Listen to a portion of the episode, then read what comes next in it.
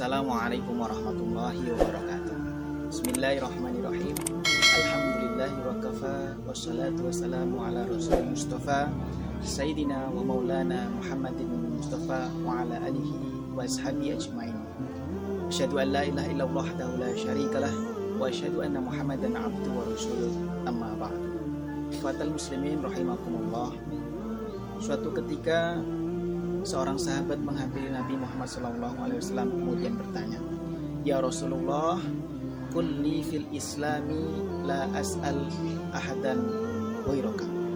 Ya Rasulullah, jelaskan kepadaku tentang Islam dan dengan penjelasanmu itu aku tidak akan bertanya lagi kepada orang lain atas apa yang telah kutanyakan.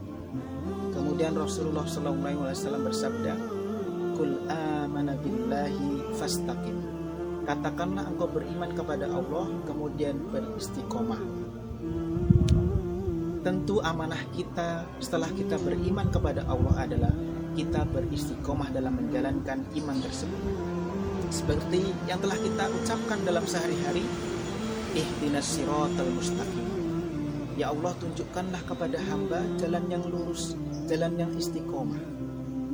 Atau firman Allah Subhanahu wa taala, Ya ayyuhalladzina amanu taqullaha haqqa tuqatih wa la tamutunna illa wa antum muslimun. Wahai orang yang beriman, bertakwalah engkau, setelah itu engkau jangan sekali-kali mati dalam keadaan tidak bertakwa. Artinya bahwa kita dituntut setelah beriman bertakwa dan ketakwaan itu harus kita jaga dengan istiqomah sehingga kita tidak dimatikan dalam keadaan su'ul khotimah atau dalam keadaan lepas dari ketakwaan tersebut. Maka dari ini paling tidak ada dua kunci terhadap kita agar kita bisa melaksanakan segala ibadah yang kita jalankan dengan istiqomah. Kunci istiqomah yang pertama adalah sebagaimana sabda Nabi Muhammad Sallallahu Alaihi Wasallam, "Ahabbul amali ilallahi ma adwama wa in Sesungguhnya amal yang paling dicintai oleh Allah Subhanahu wa taala adalah ma'adwama apa yang telah didawamkan wa ingkola meskipun dia hanya sedikit meskipun dia hanya kecil sekali. Maka kita sebagaimana dikatakan oleh ulama-ulama bahwa setelah kita menjalankan amalan-amalan fardu maka paling tidak kita harus memiliki amalan-amalan tersembunyi yang kita lakukan secara istiqomah konsisten.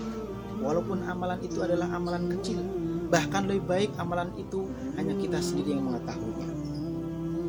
Kunci yang kedua adalah sebagaimana dikatakan Imam Ash-Syafi'i Man syahida fi nafsi ka'adhofa nala istiqomah. Barang siapa yang melihat dalam dirinya kekurangan Maka dia akan beristiqomah. Maka dari hal ini kita harus senantiasa melihat kekurangan kita sendiri Sehingga kita tidak mudah puas. Oh kita tidak puas dengan amal ibadah yang sudah kita kerjakan sehingga kita ingin terus terus terus terus memperbaiki memperbarui dan menjalankan amalan kita ini secara istiqomah dua amalan dua indikasi inilah yang paling tidak bisa kita terapkan dalam kehidupan kita sehingga kita bisa menjalankan syariat Allah Subhanahu wa taala dengan istiqomah terlebih kita di penghujung Ramadan ini menjalankan ibadah puasa tadarus Al-Quran hafalan Al-Quran murojaah zakat, sodako, sholat malam, kiamul lain. Maka setelah Ramadan ini berakhir, istiqomah kita diuji oleh Allah. Bagaimana kita menjalankan rutinitas-rutinitas kiamul lain, siam, kemudian amalan-amalan yang lainnya, membaca Al-Quran. Bisakah kita menjalankan istiqomah tersebut di luar bulan-bulan Ramadan? Bulan Syawal kita menjalankan enam hari puasa, akankah kita bisa melaksanakannya? maka paling tidak dua kunci tadi bisa kita terapkan sehingga derajat mutakin dalam kafah menuju muslim yang tentunya seperti yang dijalankan oleh Nabi Muhammad dan diharapkan oleh Allah Subhanahu wa taala. Akhirnya akhir kata kami mengucapkan taqabbalallahu minna wa minkum taqabbal ya karim.